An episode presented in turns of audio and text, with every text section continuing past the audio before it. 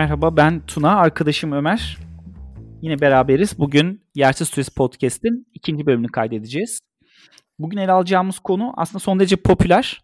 Yani hem blog'un ilk bu e, harici gündemine e, popüler bir konuyla girelim istedik. Hem de birkaç hafta daha beklesek e, zaten artık yakıcılığını kaybetmiş, söylenecek bütün her şey konuya dair söylenmiş olacak. Gerçi belki de halen de e, şimdiden daha doğrusu söylenmiş, tüketilmiş bir konu belki de. E, Parazit, Parazit filmi yönetmen Bong Joon-ho'nun işte e, uluslararası sansasyon yaratan, son derece beğenilen, kitlelerin ayakta alkışladığı, ödüle boğulan filmi. Ortak, evet ilk birkaç kelimeyle nasıl beğendin mi? Nasıldı sence? Beğendim. Yani e, film kesinlikle beklentileri ki ben izlerken sanıyorum 4 ay önce falan izlemiştim. O zaman da büyük bir beklenti vardı. Ha, Oscar'lık bir film olarak izlemedim tabii. Ama o beklentilerimi karşılayan, e, özellikle hikaye anlatımı çok iyi bir film olmuş. E, ama tabii filme dair olumlu olumsuz bazı eleştirilerim de olacak. Önce açıkçası senin ne düşündüğünü bilmek isterim. Ben ödül açıklandıktan sonra şimdi e, hani genelde öyle olur. Best Picture alan filmler tekrar gösterime girerler. Ben bu Hı-hı. tekrar gösterime girme şeyinde izledim. E, seferinde. Çünkü bir kere şimdi burası İzmir'de e, zaten bir Kore filmi sınırlı şeye giriyor. Ben de açıkçası çok takip et, yani böyle bir şeyim yok. Enerji, motivasyonum aman şu filmi göreyim aman bu filmi göreyim.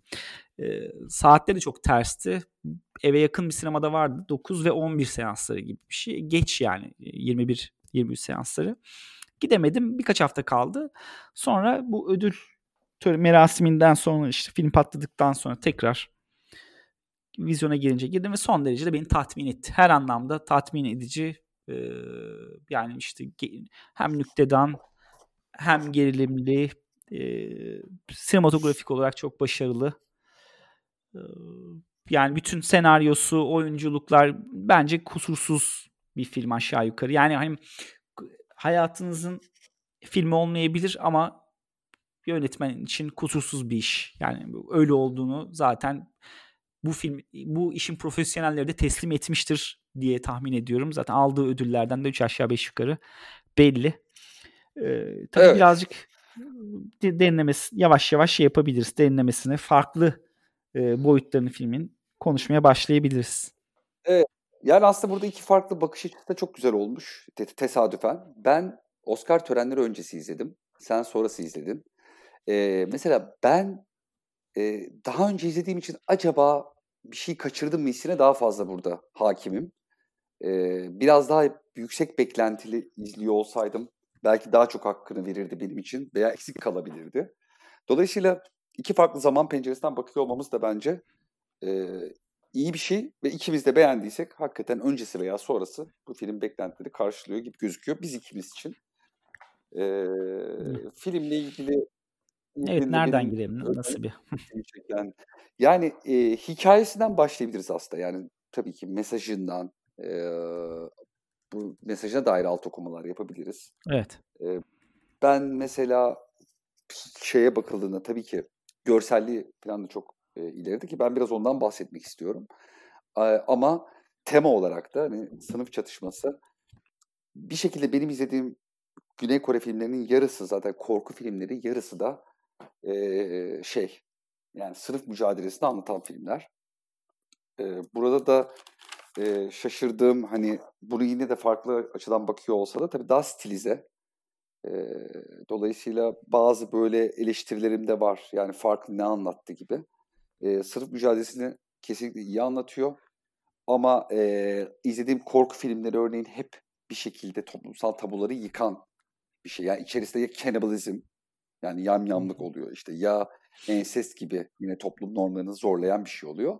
Geri kalan sınıf mücadelesi de hep böyle bir eşitsizlik üzerine bir hikaye var. Aklıma ilk gelen de işte e, Breathless diye bir film 2008 yılında yapılan ilk Yong Yong'un. E, bundan iki yıl önce de Burning sanıyorum. Chang Dong Lee. E, sen onu da izledin. Evet. Yani, Dün izledim. Nasıl? Ha. Onunla ilgili fikrin Onu da böyle bir bağlamda şey yapabiliriz, konuşabiliriz. Son, son derece güzel büyük bir film yani. Onu da çok çok beğendim. Onu da Peki şey şeye oranla yani e, Parazite oranla sence Parazit daha ya. mı iyi film? Parazit hiçbir boşluk bırakmayan bir film. Ya ben Anladım. hatta bu hiç boşluk bırakma. Scorsese'nin bu filmi bu kadar beğenmesinin sebebinin de o olduğunu düşündüm. Hani bu adama daha sonra işte yönetmene, Kore yönetmene Bong Joon-ho'ya mektup yazmış şu bu hani filmin sonu dahil hiçbir boşluk bırakmayan e, hmm. hani her şey, izleyici oturan izleyici her anlamda tatmin etmek üzerine kurgulanmış bir yapım bu. E, o anlamda bir avelaj bir izleyici olarak e, hani Parazit'i hangisini tekrar izlersin keyif edersen Parazit'i tekrar izlerim. Anladım. Ya öbürünü de, ben öbürünü tabii... de çok güzel bir film hani ama yani Parazit. Evet. Ya işte daha underground kaldı ya. Bende de maalesef ben işte şey izleyicilerdim. Yani Oscar alıyorsa bizden değildir. ben şu an hani Burning'i daha yere göre sığdıramamaya başladım. Çünkü niye Oscar almadı? Yani böyle bir kıstasla ee, şey yani Burning'i bir şekilde iyi hatırlıyorum. Biraz daha dokunaklı hatırlıyorum ama Parazit daha Oscar'lık bir film o anlamda. Yani belli zaten Şimdi, yani bütün dökülen emek.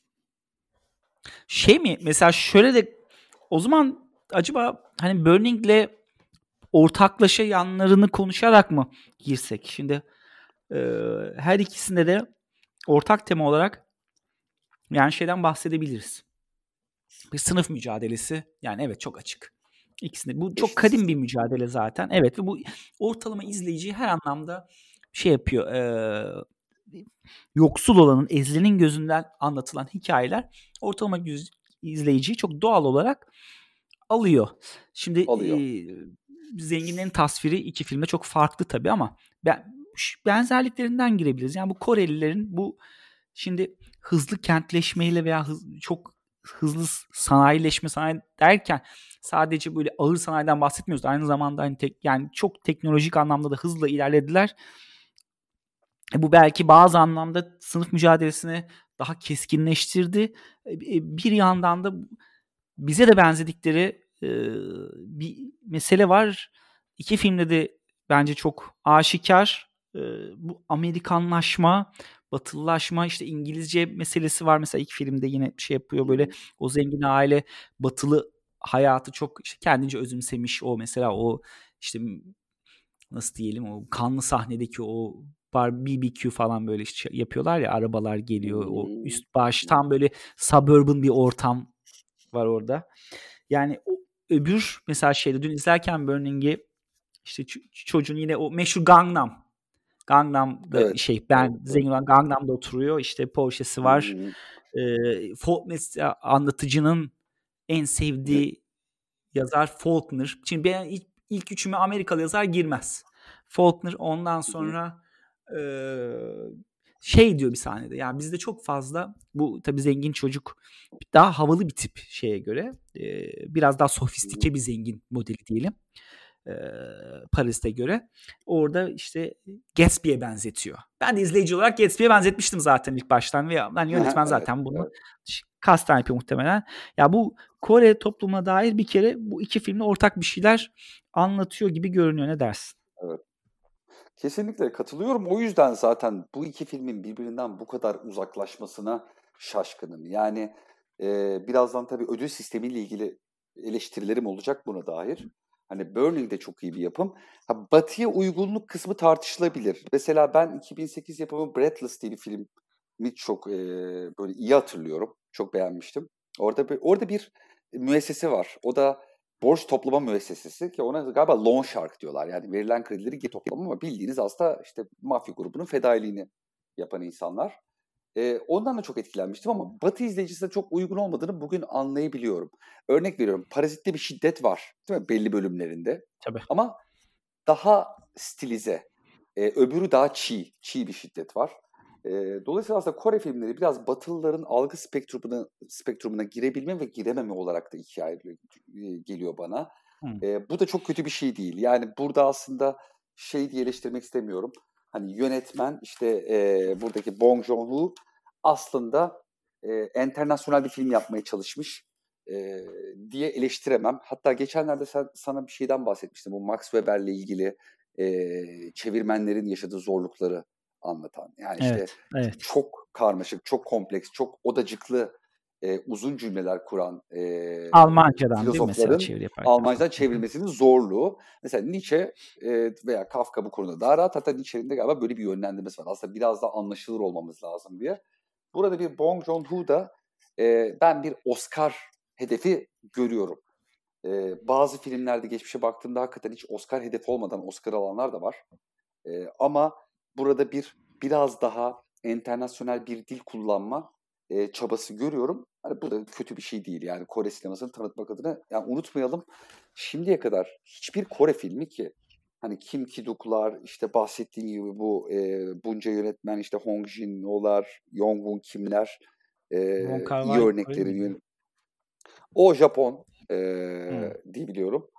Ama bunların hiçbiri değil en iyi yabancı film kategorisinde ödül almak en iyi yabancı Çinliymiş. film kategorisine aday dahi olamamışlar. Çinli değil mi Wong Kar Wai? Pardon. Evet evet Çinliymiş. Yani işte Hong Kong şeyinden. O, o kadar batılıyken ha.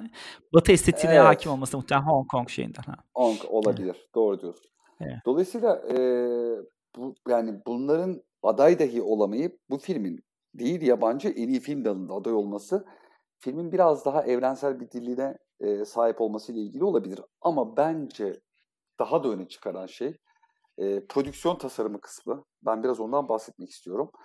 E, şimdi bu yönetmen çok detaycı bir yönetmenmiş. Ve işte hikaye anlatımında gerçekten ihtiyacı olan böyle çok geniş bir oturma odası. E, şey yapmış mıydın bu arada daha önce? Bu yönetmenin başka bir filmini izlemiş miydin?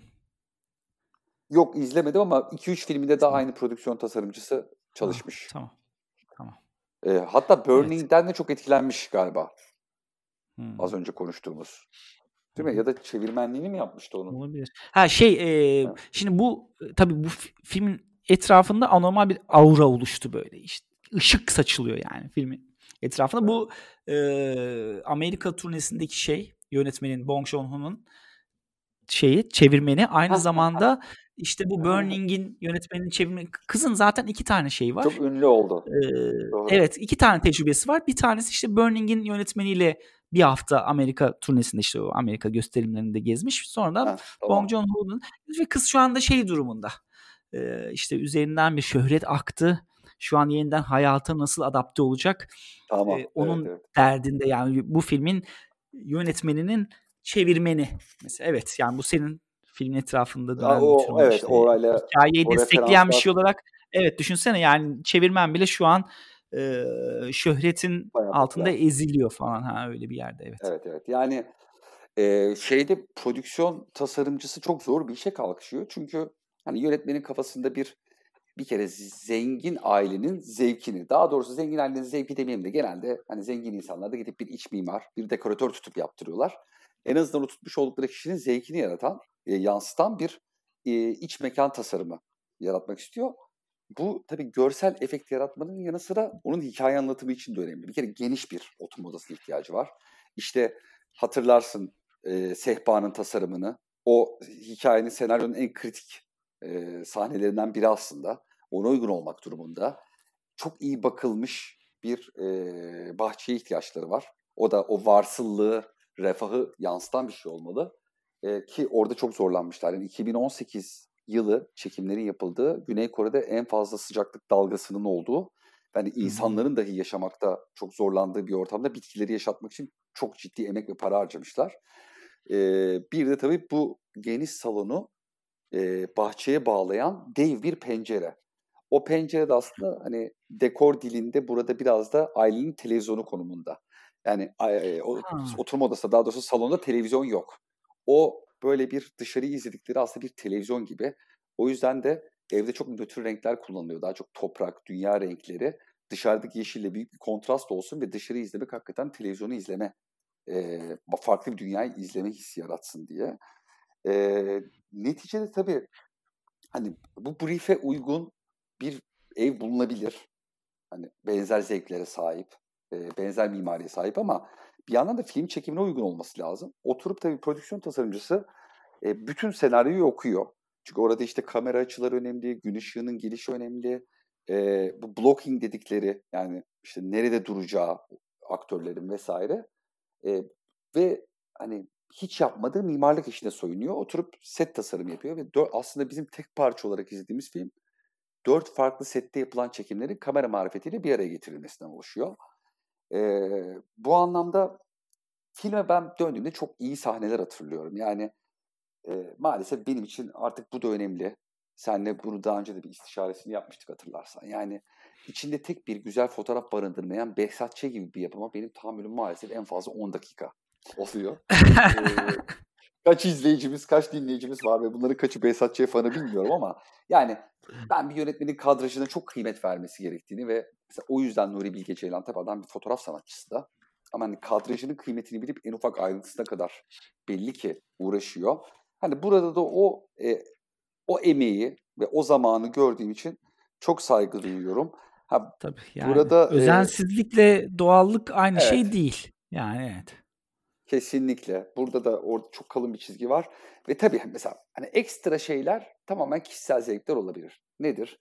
Mesela mobilya tasarımı, e, prodüksiyon tasarımcısı hiçbir şekilde tanınmış mobilya kullanmak istemiyor. Yani hani zengin ailenin aslında işte veya onu tuttuğu iş mimarının zevkini yansıtmak için işte iki tane şuraya Herman Miller koltuk atalım.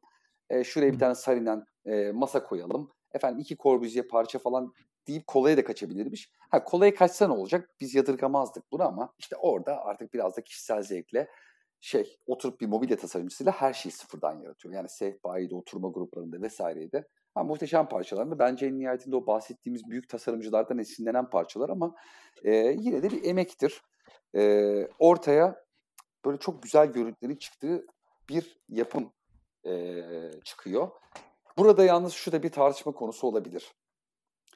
İşte filmi sen de herhalde hatırladığında daha çok o evin yaşam alanları, mutfak, merdiven vesaire. Hani hep güzel görüntüler geliyor değil mi? Tabii. İşte yani filmin büyük kısmı yani, aslında o zengin ailenin evinde kere, geçiyor. Evet. Evet şimdi bir kere merkeze tabii ya mekan olarak oraya almış. O modern ee, daha doğrusu evet. modernist ev. Yani bu şimdi bunların hepsi dediğin gibi yani çok düşünülmüş, çok detaylı, çok her şey çok stilize. Yani bunların bir yerde tabii izleyiciyi nasıl diyelim bilinçli izleyiciyi hani bir yerde rahatsız etme ihtimali de var tabii. Yani o modernist ev değil mi? Çok temiz, geniş, aydınlık alanlar. İşte yani bu Carbusier'in villa bilmem ne evi de olabilir bu. Ya da işte dünyanın herhangi bir yerinde başka modernist işte 20. yüzyıl e, mimarının bir yani bunlar artık eser olarak geçen işte eseri de olabilir. Evet. Ama mesela bu, bu da tabii ki çok planlanmış bir şey. Yani filmin evrensel iddiasını destekleyen hatta destekleyen o değil baş, başrolünde duruyor o F. Yani başlıca ortaya Kesinlikle. koyan elemanlardan ha, bir tanesi.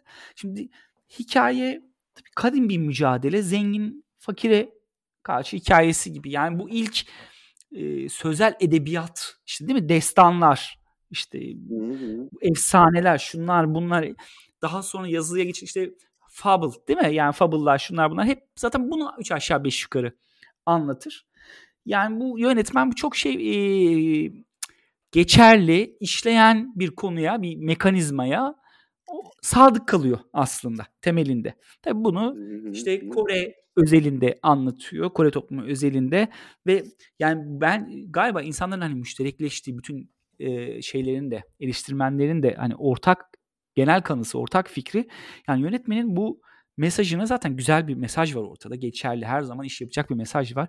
Verirken bunu böyle işte kaba, vulgar bir şekilde değil de belki de biraz artık çağın da ruhuna uygun şekilde daha estetize ve işte ön, ön tarafını yani insan içine de işleyerek aynı zamanda sadece estetik yanında değil aynı zamanda işte hikayenin de zenginliğiyle işte karakter zenginliğiyle mekansal işte özeni de seyirciye vererek aynı zamanda işte e, komedi gerilim yani kadrajlar yani her şey son derece kusursuz bir şekilde ayarlanarak izleyiciye verilmesi aslında bu filmin şeyi dünyanın her yerinde o aşağı yukarı evet. aynı coşkuyla karşılanmasını sağladı diye tahmin ediyorum. Mesela şeye baktım işte Oscar Best Picture alanlara 2000'den bugüne yani şimdi 2000 yılında Gladiator almış. Evet. Şimdi 2000 hani şimdi 2019'da Parazit aldı. Hani ya, ya, bence şimdi hangisi hatırlanacak, hangisi ger- gerçekten hani sinemaya bir şeyler katan bir film. Tabii ki Parazit. Yani Parazit, Parazit. aşağı kusursuz kusursuz bir eser olarak değerlendirilebilir bu evet, anlamda evet. yani. Şimdi evet, evet. bu hani iyi mekanizma kurma işte bu yoksula fakiri şimdi film eleştirilen yanlarından bir tanesi ya zenginler o kadar saf mı? İşte zenginler salak mı? Yani değil elbette ama bu hani işte o o park şimdi zengin olan Park ailesi, yoksullar Kim ailesi. Zaten Kore'de bir de Lee ailesi falan var herhalde. Kore'de e, şeyler çok aileler yani bu çok soy, bazı soy isimler anormal yaygın. Bizdeki evet. hani emsali yok.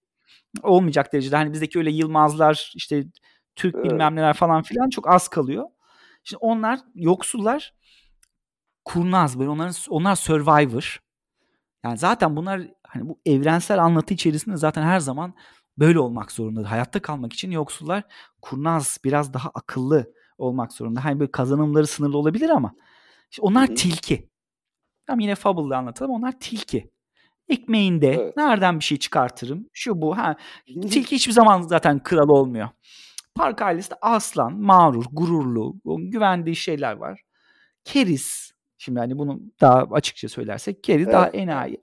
Ama yani parazitlik de mesela karşılıklı parazitlik var. Ya tamam ee, bu kim ailesi, Park ailesinin evine yerleşiyor, hayatın içerisine siniyor ama aslında Park ailesi bundan hiçbir zarar görmüyor. Yani kim ailesi evet, işinde gücünde her şeyde aynen öyle. Evet karşılıklı bir bir kere. Şimdi burada kar, ikili aynı zamanda şey de var. Park ailesi de bütün hayatını outsource etmiş. Yani çocuklarla e, bu kim ailesinin çocukları ilgileniyor. Arabayı kim ailesinin babası kullanıyor. Evi kim ailesinin annesi çekip çeviriyor. Yani bu parazit şimdi hepimiz tabii şeyi anlıyoruz. Ee, kim ailesinin yani yoksul olan ailenin Bodrum katta yaşayan ailenin ki Bodrum kat tasviri olağanüstü iyi. Yani bu e, böcek ilaçlama zaten hani herkes kahkahalarla izledi.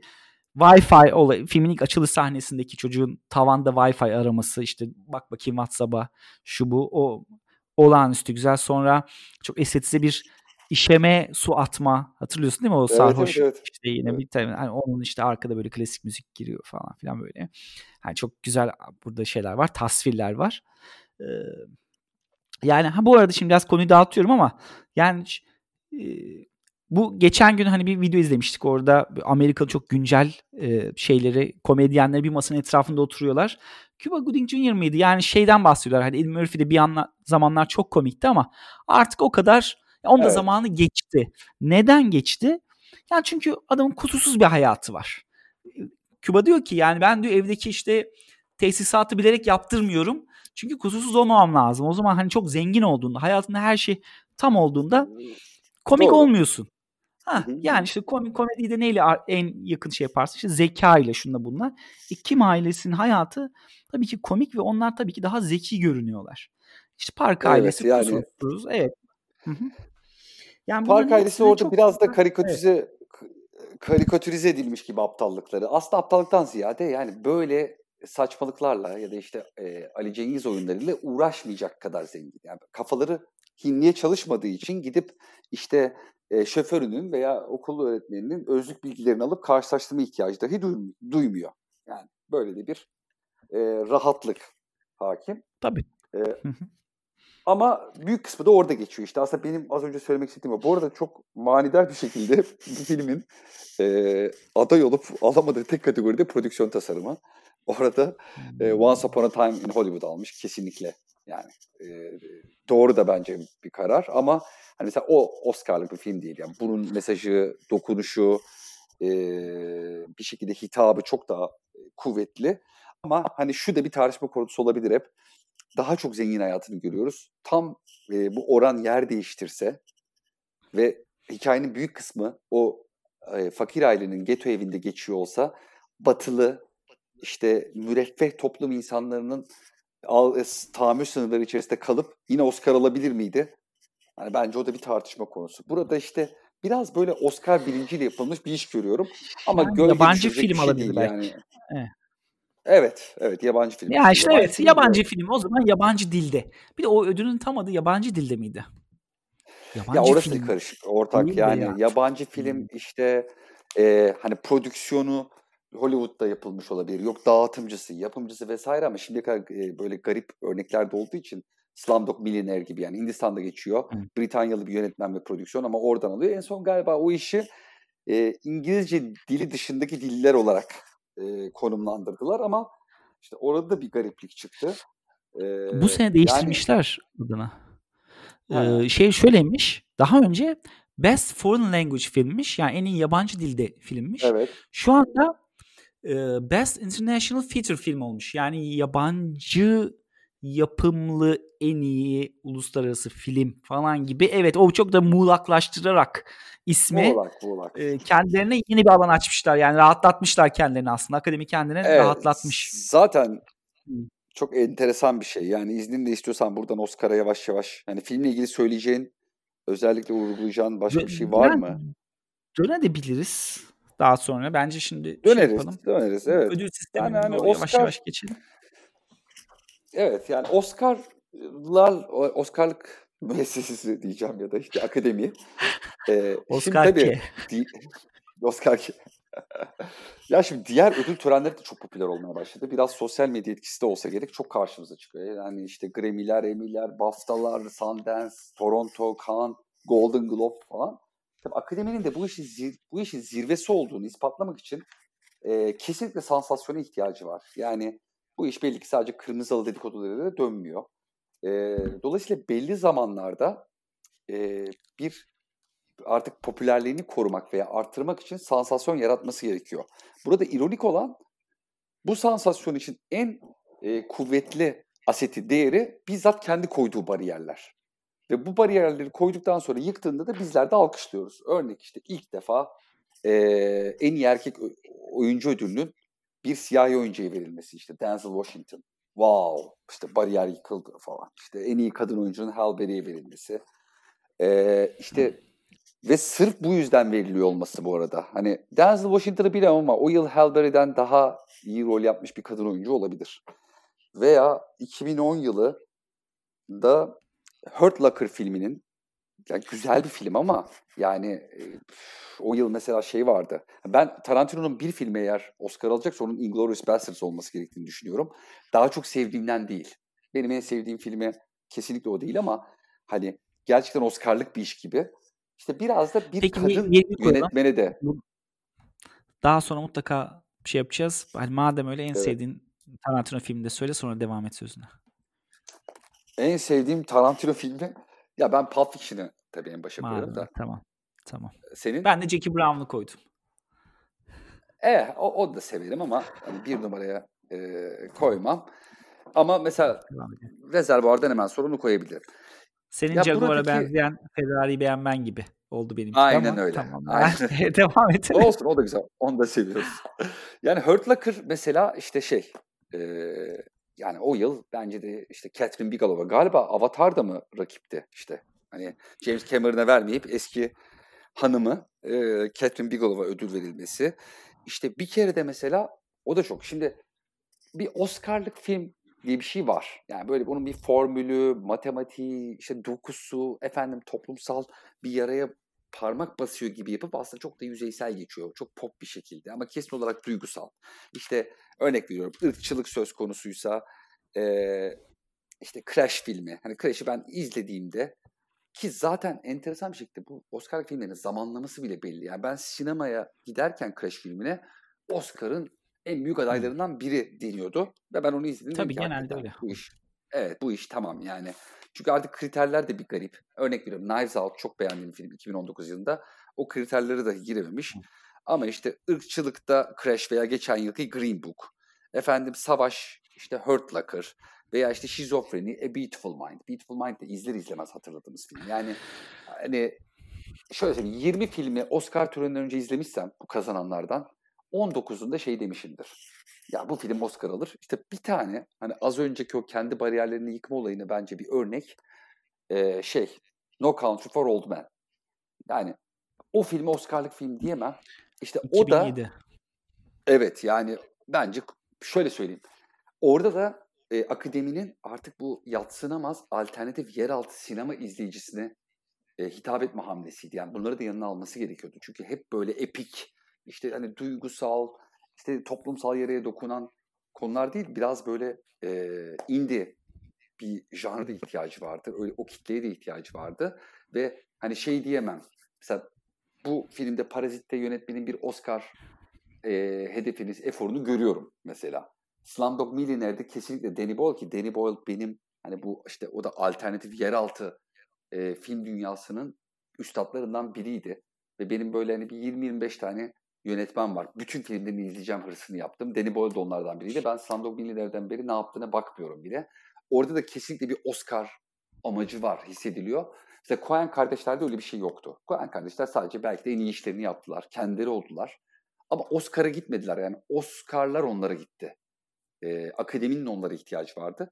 Belli zamanlarda böyle tabu, işte tabuları, bariyerleri yıkıp e, konuşulurluğunu arttırmak istiyorlar. Bu defa Parazitler de bunu yaptıklarını düşünüyorum. Yani bugüne kadar en iyi yabancı e, film dalında aday da olamamış Kore sineması gidip en iyi film dalında aday oluyor.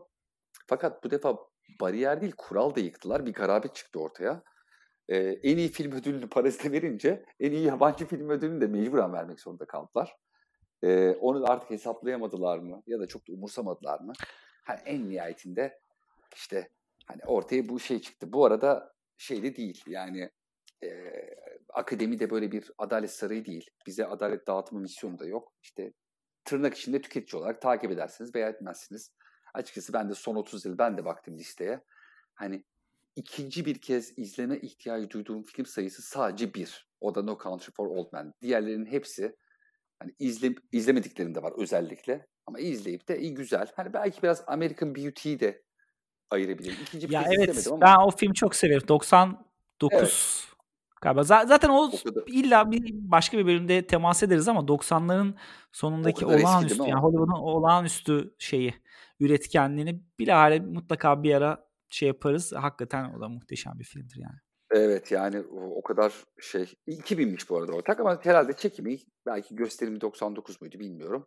Ha, ee, şey, ödül aldı 99 yıl için alıyor. Şimdi Parazit'te 2019 için aldı ya sonuçta. Ha doğru okey. Parazit'te e, yani burada da bir şey var. Bu arada şey demek de istemiyorum. Yani hani Parazit'in arkasında efendim büyük bir güç var küresel bir güç var, bir lobi var. Yani eleştirel akıl dediğimiz şey de bence bize sunulan gerçeklikle komple teorisi arasında bir yere konumlanmalı. Ee, evet, bugüne kadarki Kore sineması. Şimdi bende her bu bariyer yıkıldığında bir şey vicdanı oluşuyor. Ya işte ilk Denzel Washington aldığında yani bugüne kadar ne siyah oyuncuların hakkı yendi efendim. İşte ne kadın yönetmenlerin hakkı yendi. Şimdi hemen böyle bir ya ne Kore yönetmenlerin hakkı yendi e, şeyi oluyor, refleksi oluyor. Ama e, yani bu anlamda da Oscar'ları yüceltme tuzağına düşmek istemem.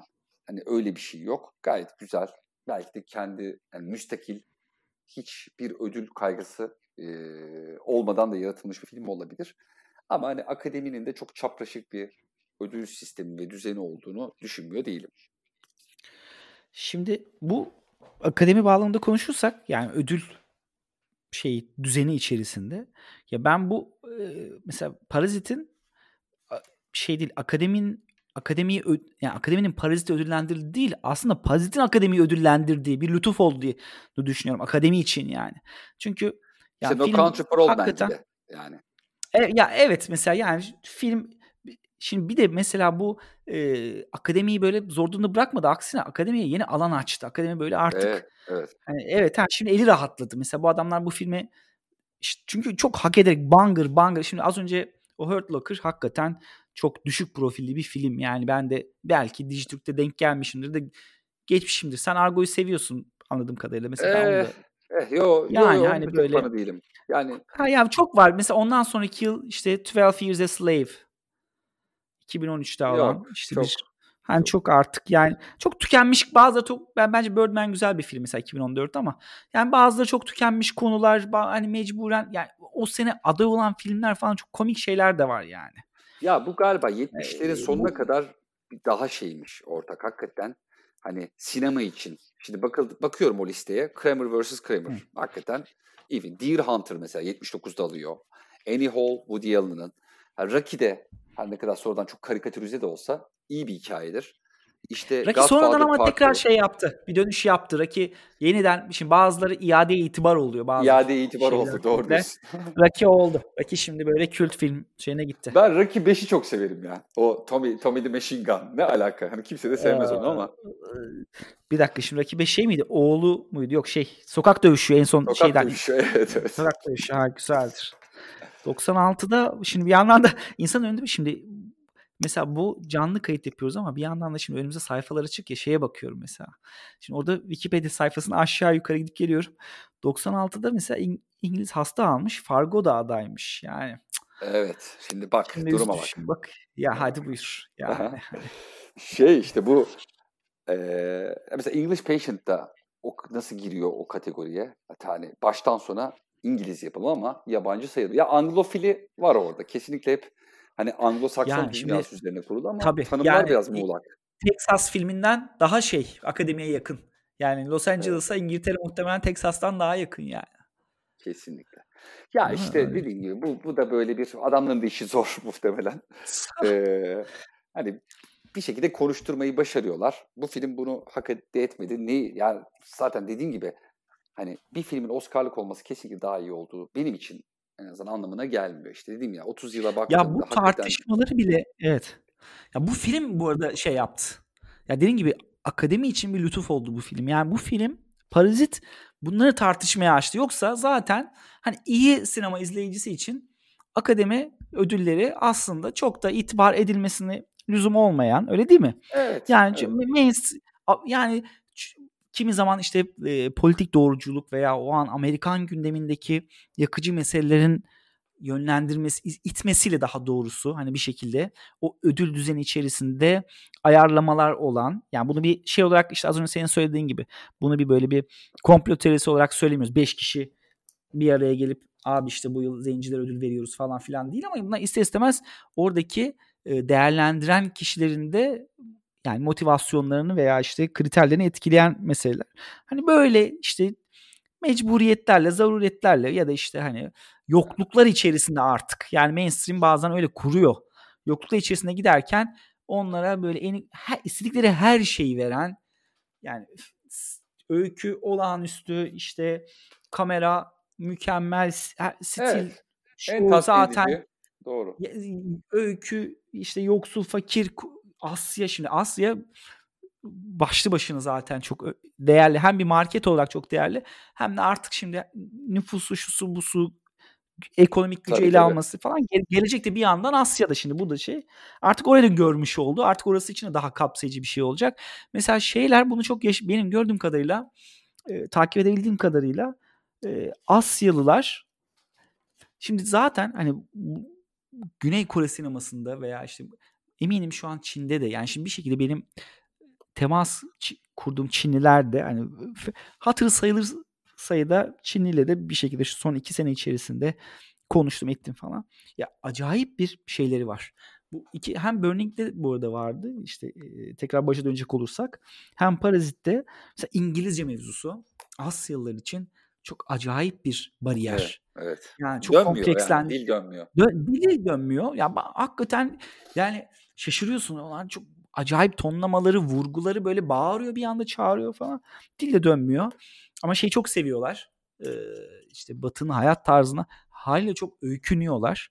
Ama oraya gittiklerinde hayal kırıklığına uğruyorlar. Dolayısıyla kendi içlerinde ya bu Türk aydınının da işte tarihsel olarak aslında değil mi? Türk modernleşmesi dediğimiz şey de işte hem Batı'ya karşı bir şeydir hem de Batı ile beraber Batı'nın içerisinde doğru bir şeydir yani. Evet. Onlar da üç aşağı beş yukarı bunu yaşıyorlar ama işte e, bu işte Konfüçyüsçülükten tut hani farklı pek çok kültürel gerekçeyle daha farklı yaşıyorlar. Daha e, içlerinde daha sakin, daha böyle hani ifadeyi mazur gör, eziklenerek bir şekilde yaşıyorlar. Bunu da mesela sinemalarında çok güzel bir şekilde ifade edebiliyorlar diye düşünüyorum ben. Doğru. Yani o tabii mesela o zenginler işte Parazit'te işte o yani adamın işte kanvas Mercedes'i, kanvas pantolon, mavi tril tril gömleği, kadının elbiseleri, şusu busu, işte evlerindeki o bütün yani evde burada hiç şey yoktu ya. Var mıydı? Şimdi aklıma geldi. Öyle salonda falan e, bir halı şey kilim hiçbir şey yok değil mi? Boş alanlar, temiz, aydınlık Boş alanlar evet. var sadece. Halı, Boş halı hatırlamıyorum. Ben tabii izleyeli e, bayağı oluyor da e, hatırlamıyorum ben de. Evet daha çok böyle şey yani bayağı minimal tasarımlı koltuklar ve Evet. sehpalar hatırlıyorum. Bahçenin Evet. güzel olduğunu Mesela evet, hatırlıyorum. bahçe çok güzel, peyzajlı falan. Sonra işte o Burning'deki Ben'in evi. Şimdi Porsche'si şimdi yukarı çıktığında da o ev işte son derece acaba şeylerin tuvaletleri nasıl? Onların Asyalıların farklı mı tuvaletleri? Her neyse o banyosundaki işte mobilyalar, aydınlatma, Evet evet evet. Hatırladım mutfağı. şimdi. Mesela biz şey yapıyorlar Burning'de de mesela. Ee, ya bir ki şimdi Asya mutfağı çok popüler değil mi? İşte biz her ne kadar onun e, adaptasyonlarını yiyor da olsak Asya mutfağı sonuçta dünyada işte aldı başını gitti. Tayland mutfağı da öyle, Kore mutfağı da öyle falan. Mesela orada e, şarap ve e, pasta, makarna gecesi yapıyorlar. Adam böyle te- önünde ha, spagetti falan yapıyor ama chopstick'ler var tencerenin içerisinde. O dikkatimi çekti. ya hani mesela böyle iyi. acayip bir ha, öykünmeleri var. Yani hani onu da İşte benim adaptasyon mesela mutfağı ondan bence. bile evet ha, ondan bile mesela özdeşleşebiliyoruz. Bizim için bir de şimdi Batılı da onu mutlaka görüyor. Batılı göz de görüyor. Asyalı göz de görüyor onu. Ve biz de mesela başka bir işte ne diyelim gelişen veya batılılaşan işte her neyse o böyle arada kalmış toplum olarak üç aşağı beş yukarı benzer şeyler gördüğümüz için onları da yakalayabiliyoruz. Şimdi bunları mesela bu adamlar çok güzel bir şekilde tasvir edebiliyorlar. Yani çok sinema dilleri hani 2000'lerin başından beri en azından benim takip edebildiğim dönemde Asya sineması yükselişte diye bir şey vardı. iddia bir ifade değil mi? Böyle işte o zamanlar şeyi hatırlarsın. Ee, sinema koltuğu vardı NTV'de. Ali Ha evet. Taşçıyan, Ali Taşyan, Tuna Erdem, Ne- Mehmet Açar. nereden Meh- Mehmet Açar dördüncü kimdi ya şimdi?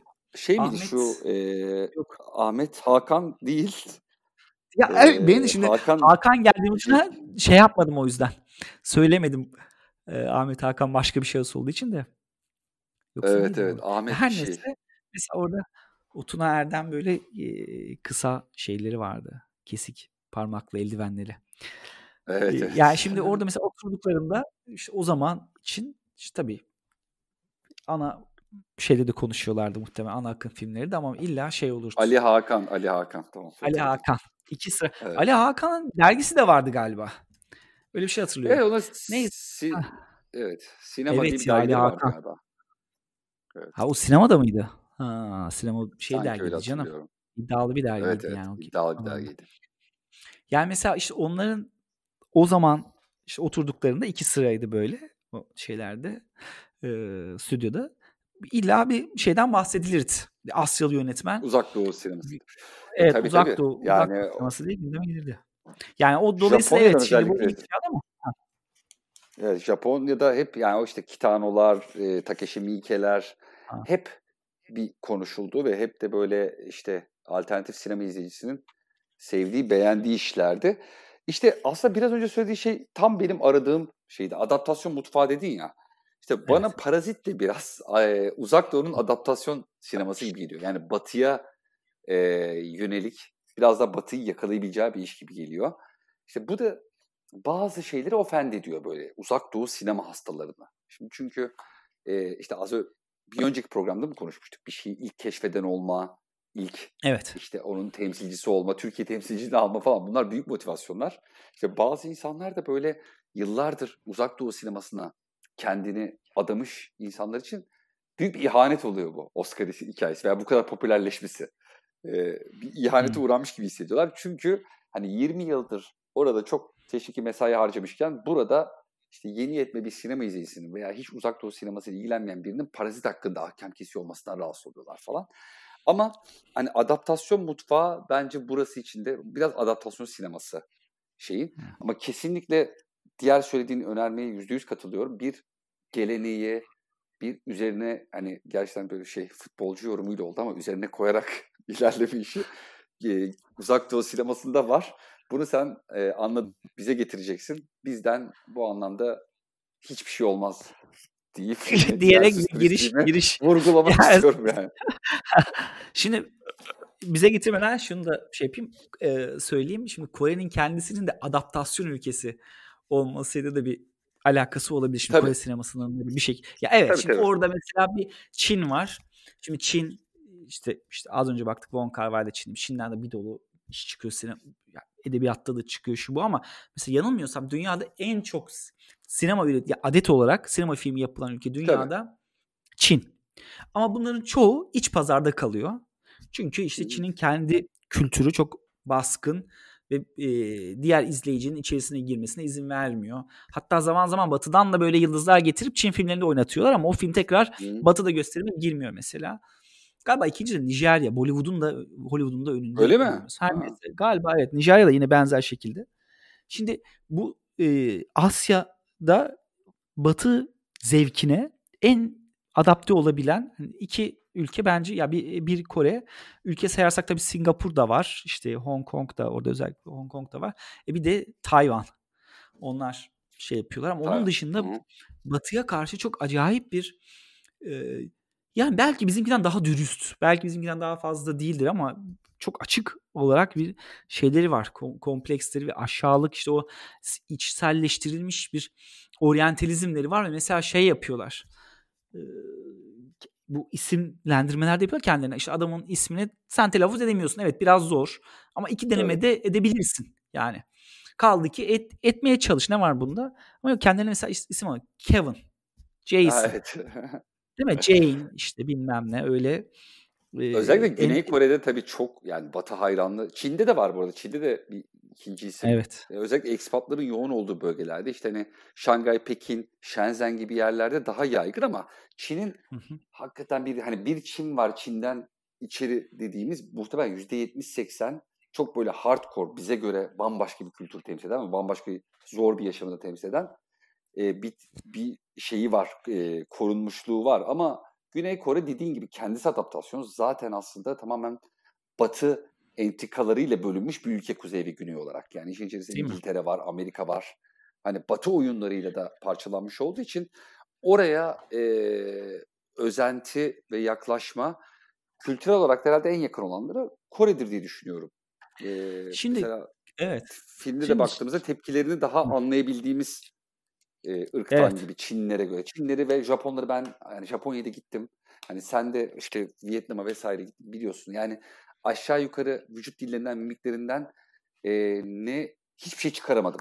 Yani ne Japonya'da ne Çin'de. Ama sanki Koreliler daha şey gibi yani biraz da batıyla e, mimik ve vücut dili olarak daha şey gibiler, entegre gibiler. E, dolayısıyla yine de öyle bir adaptasyonun kendisi olması da adaptasyon sineması olmasını kolaylaştırıyor. Haklısın. Yani şey değil çok da böyle derin bir çaba göstermelerine gerek yok. Zaten yatkınlar buna. Ya evet. Şimdi mesela şeyden şimdi buradan kendimize de bazı paralellikler bence çok rahat kurabiliriz. Yani şimdi e, bir anda şimdi Vietnam var. Önce Fransa ile işte ondan sonra Amerika ile çok uzun süre işte savaşmış etmiş. Daha öncesinde de işgaller uğramış bilmem ne. Bir tarafta da Güney Kore var. Oranın batının kendi coğrafyasından ayırdığı bir şey değil mi? Yani bir kültür. Evet. Ve o dolayısıyla işte evet, şimdi bize benziyor aşağı. Bizim değil mi? 2002 Dünya Kupası'nda ki o manzaraları hatırlıyor Aa, musun? Yani Koreliler kardeş ülke. Ya ben bunu yakın işte o Asya şeyinde ne yaşadım. Neresi Koreliyim ama işte sen neresin Türkiye vay kardeşim.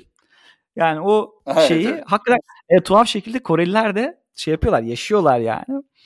Ya Şimdi savaştan işte, dolayı herhalde ver, hani savaşmışız orada falan. Oradan da bir şey var. Birleşmiş Milletler üyesisin. işte soğuk savaşta tarafsın. NATO üyesisin. Evet. Yani dolayısıyla işte sen de o e, nasıl Güney Kore hemen işte Kuzey Kore ve Çin'in e, periferinde işte çevresinde yer alan son derece işte o zaman şimdi artık tedavülden kalkan jeopolitik değeri yani Türkiye'nin çoksa Kore'yi düşünsene. Yani etrafı tamamen işte o Charlie tamamen etraf komünist dolu. Yani ha işte dolayısıyla işte o bir şekilde Amerikan Amerika'nın çok böyle göz bebeği olan ülkeler aslında. Şimdi e, ondan bizim hikayemiz aslında Batı hikayemiz ondan önce de başlıyor. Yani işte 19. asırın sonunda artık çok yoğunlaşan Cumhuriyetle yani çok hedefin tayin artık açık olarak tayin edildi. Batı'yı yakalayıp geçmek. Her anlamda o reformlarla hani bir şekilde ya sen sırtındaki kaftanı zaten bir süre önce atmışsın. işte cekete geçmişsin, fesi şey yapmışsın. Fe, fesi de atıp e, silindir şapkaya o gerçi o şey e, ne denir hani silindir şapka çok üst mertebe de işte normal o batılı tamamen görüntü itibariyle de batıya adapte olmuşsun. Her her anlamda şimdi gerçi onların mesela kendi özgün alfabeleri var. Ee, bizim yok. Biz alfabemizi bile sonuç adapte etmişiz. Ve adaptasyonumuz da açıkçası Güney Kore'den çok daha ileride. Öyle tahmin ediyorum. Muasır dünyaya, batı dünyasına. Ama bir şekilde şeye geldiğinde kendin bu modern batılı araçlarla ifade etmeye geldiğinde Kore'den geri kalmışız. Şimdi sinema konusu şimdi az önce senin bizden bir yol olmaz dediğin sinema konusuna dönersek aslında şimdi bu tekrar temele inersek e, hikayenin şeyinde e, temelinde şöyle bir şey var. Bizde mesela işte Kapıcılar Kralı mesela bir dönemin filmleri var. Kapıcılar Kralı var. Ondan sonra işte e, örnek vermek gerekirse Kibar Feyzo var. Davaro var. İşte Salakosu, şusu, busu. E, yani bir şekilde ağalık sistemine veya işte zengin kent soylu zenginliğine karşı çıkan e, filmler çekilmiş ve aynı şekilde nasıl bu e, Parazit filminde şeyden bahsediyoruz. Yani mizahla anlatmayı çünkü hani işte bu hayatta kalma işte mizahın gücünden bahsettik, anlatım kabiliyetinden. Ee, şimdi benzer şekilde Türk sinemasında da bunun örneklerini görüyoruz. Ben mesela Kapıcılar Kralı sembolizmiyle de e, hiç şeyden aşağı kalır bir e, film değil. E, Parazit'ten aşağı kalır bir film. Hatta zaten kapıcılık müessesesinin kendisi yani son derece elverişli olanakları içerisinde bulunduran e, bir alan. Fakat hani bir şekilde burası yeterince işlenmiyor. Yani Kapıcılar Kralı hani bir bölüm aslında ona ayırıp yani haksızlık da etmiş oluyoruz böyle son kısımda şey yaparak ama kendi sinemamıza belki bilmiyorum. Yani bir şekilde e, hiç de aşağı kalır bir film olduğunu düşünmüyorum. Yani bir de şu var bir zamanlar şimdi tabii artık e, bitti o konu kalmadı ama e, yani e, kapanan bir sayfa toplumcu gerçekçi sinema. Şimdi toplumcu gerçekçi sinemanın bugün artık evrensel olarak da bir karşılığı yok. Ama işte bir zamanlar işte Zeki Ökten ve tabii en başta e, Yılmaz Güney ile verimli örneklerini gördüğümüz ama şimdi bu şeyle karşılaştığında bugün bu bahsettiğimiz anlatıcılıkla karşılaştırdığımızda işte e, Bong Joon-ho'nun veya işte Burning filminde bahsettiğimiz anlatım hikaye anlatıcılığı karşılaştırdığımızda son derece vulgar bir şeyden bahsediyoruz. Dolayısıyla onların da e, çok hani o filmlere de haksızlık olur ben diye düşünüyorum yani bu şeyle karşılaştırmak bugünkü aktüel sinemayla karşılaştırmak. Ama bir şekilde yani senin de o başta bahsettiğin konu neydi o? Yani Behzat örneğini verdin ya sen. O Behzat de e, ne dedik? Özensizlik. Değil mi? Yani o iki tane istikbal kanepeyi çek yatı koyup işte orada bize şey verme kolaycılığı işte yoksun hayatı bu. E şimdi bu e bu adam da çal- neticede bir, bize yoksul hayatı merdiven altındakilerin veya işte bodrum kat evet. hayatını veriyor. Şimdi öbürünün ver yani burada çok temel işte yapısal ve abi bu memleketten bir yol olmaz bize dedirten bir şeye umutsuzluğa sürükleniyoruz ister istemez. Ama bir yandan dediğim gibi yani bir başarılı örneklerinde yani son derece yine aynı şekilde evrensel kadim bir meseleyi anlatıp da bunu layıkıyla yapan özellikle de işte 70'ler Kemal Sunal Gülgüllerinde işte gördüğümüz şeyleri de makbul örnekleri de var. Olmuş. Ne dersin ortak? Yani e, işin her zaman tabii iki boyutu var. Bir bizim nasıl gördüğümüz. Yani batıya yönelik bir iş yapıldığında bizim hemen samimiyetsiz bulduğumuz o ton. Yani çok özenti. Zaten en büyük sorunumuz o. Kendi dilimizdeki şeylere biraz yabancılık çekmemiz de bundan. Orada bir samimiyetsizlik gördüğümüzde çok soğuyoruz. Yani işte aklıma benim fi yapımı geliyor. Yani o kadar zorlama ki hani işte dekorasyon ve iç mekan tasarımı konusunda da zorlama. E, oyunculuk konusunda da zorlama. İnsanlar olmadığı şeyi ve tanımadığımız dünyaları çok resmetmeye çalışıyoruz. O da bir sorun. Yani bunu hangi bir yazar Yakup Kadri Karosmanoğlu için söylüyor galiba. E, köy edebiyatı yapıyor ama zaten şehirli bir insanın hayatını anlatamaz kolay kolay. Onları yaşamadan, e, içine girmeden gerçekten şehirli bir insanın hangi parfümü kullanacağını, nasıl bir e, yemek siparişi. Aklıma da yine şey geliyor, çağınırmak örnekleri geliyor. Mesela Mustafa hakkında her şey, işte kafasındaki ajans sahibi insan profili garsonu azarlayan, içerisinde kapari koyduğu için işte olay çıkaran, ha, e, evet, sanki böyle yine. müşkül pesent, e, böyle prototipli ve ıssız adam da öyle. İşte ben çünkü yaşamadıkları dünyaları tasvir etmeye çalışıyorlar.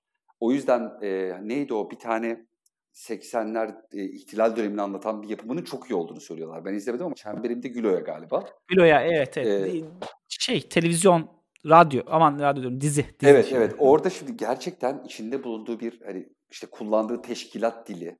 Ya bugün hani sen ben oturup öyle bir şey çekiyor olsak o zaman o dilini yansıtamayabiliriz. Çünkü teşkilatında bir kendi dili var, kendi diyalektiği var. Ee, biz de genel olarak yaşamadan artık iyi araştırılma, iyi veri toplama süreci mi yaşanmıyor? Ee, biraz kervan yolda düzülür mantığı olduğu için yeterince e, done toplanmadan bir şey resmedilmeye çalıştığında orada samimiyetsiz bir şey çıkıyor. Ha, bizim samimiyetsiz bulduğumuz şey Batı dünyasında sevilebilir. Ee, şeyi bilmiyoruz. Parazit'in gerçekten Güney Koreli bir sinema severe ama esaslı bir sinema severe e, ne kadar samimi geldiğini bilemiyoruz. Dolayısıyla bu aslında biraz lokal, global bariyerinden kaynaklı bir şey mi? Ee, yoksa gerçekten prodüksiyon anlamında da geride miyiz ki? Bence öyle. Yani prodüksiyon anlamında organizasyon becerimiz bence çok zayıf batılı toplumlara hatta uzak doğuya göre de. Ee, böyle bir o belli bir disiplin ve ciddiyet gerektiriyor. Ee, hep böyle şu arada kaynar bu arada kaynar diye atlanmışlık var. Dolayısıyla ben e, çok iyi düşünülmüş e, prodüksiyon açısından dediğim iş çok az çıkıyor buradan. Onda da kesin Batılıların etkisi var. Şimdi şeyi biliyorum. Netflix'in burada çektirdiği e, filmlerin prodüksiyonun başında e, Alex diye benim de tanışmış olduğum e, İspanyol, İngiliz bir adam var. Yani böyle noktalarda yine onlara ihtiyaç oluyor. Prodüksiyonun başında Türkiye'de mutlaka iyi yapanlar vardır bilmiyorum. Çok da takip ettiğim bir sinema değil maalesef. Ama e, o samimiyeti yakalamak, onun yerine belki işte Metin Erksan filmleri, Zeki Ökten filmleri e, bugün çekiliyor olsa ve batıya sunuluyor olsa çok daha özgün şeyler olabilir. Belki Nuri Bilge Ceylan, evet işte özgü, özgünlüğünü E, onu ayırdık. Evet onu ayırabiliyoruz. Ki onun da yani yalan söylemeyeyim, üç filmini falan izlemişimdir. Ama bu kazandığı başarıyı daha iyi anlayabiliyorum. Ve oradaki o samimiyet işte kanda çalışıyor mesela. Yani Oscar'larda tabii ki çalışmasını beklemeyiz. Ee, biraz dediğim gibi dili evrenselleştirme yolundaki ortaya çıkan samimiyetsizlik bence büyük bariyerimiz. Diğeri de prodüksiyon konusundaki e, organizasyon beceriksizliğimiz diye düşünüyorum. Hı, çok güzel toparladın. Teşekkür Şimdi ederim. burada şimdi artık bir saate yaklaştık. Yavaş yavaş sonlandıralım. Tamam. Bu arada şimdi az önce şeyden bahsettim ya bu Burning'de işte orada e, başroldeki çocuk Lee Jong-soo. Tabii hiçbir zaman bunların telaffuzları da Lee Jong-soo yazıyor altta. Hani Lee Jong-soo olsun. Oradaki şey telaffuz anormal. Ya çocuğun adı ben.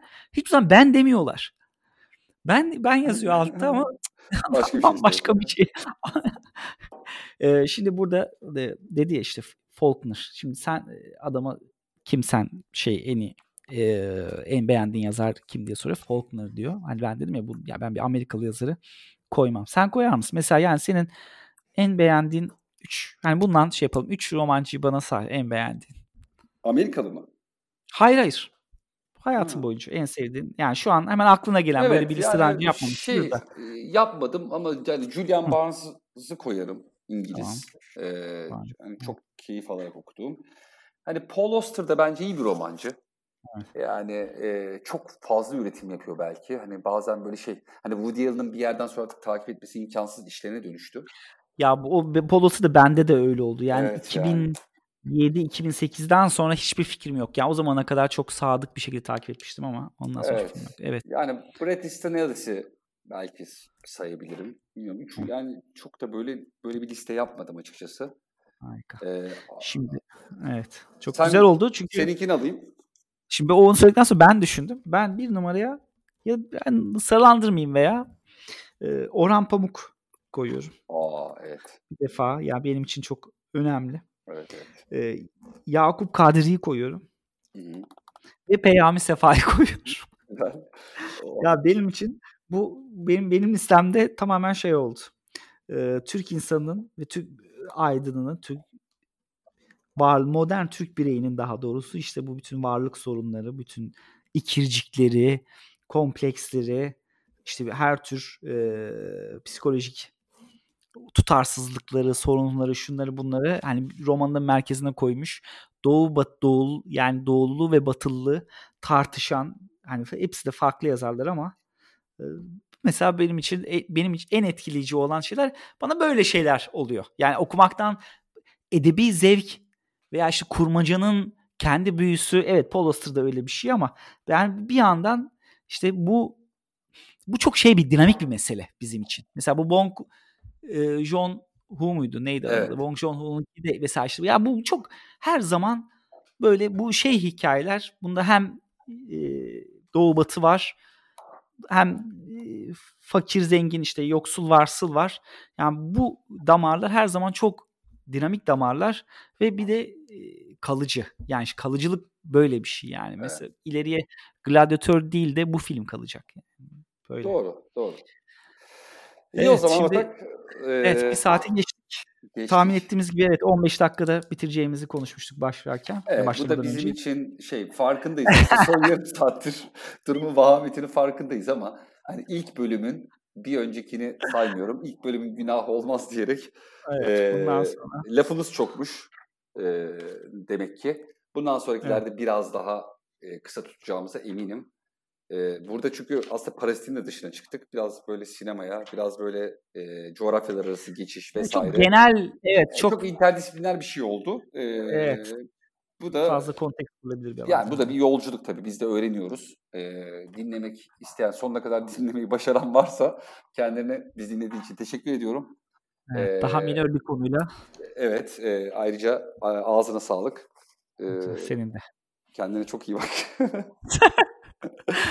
Çok teşekkür ederiz. Biz dinleyen bu, bu bir saat ikinci dakika kadar sabreden herhangi birisi olduysa ya da olacaksa ileride ona şimdiden teşekkürler. Çok teşekkür ediyoruz. Sevgiler. O zaman görüşmek üzere bir sonraki bölümde. Evet. Bay bay. Hoşçakalın.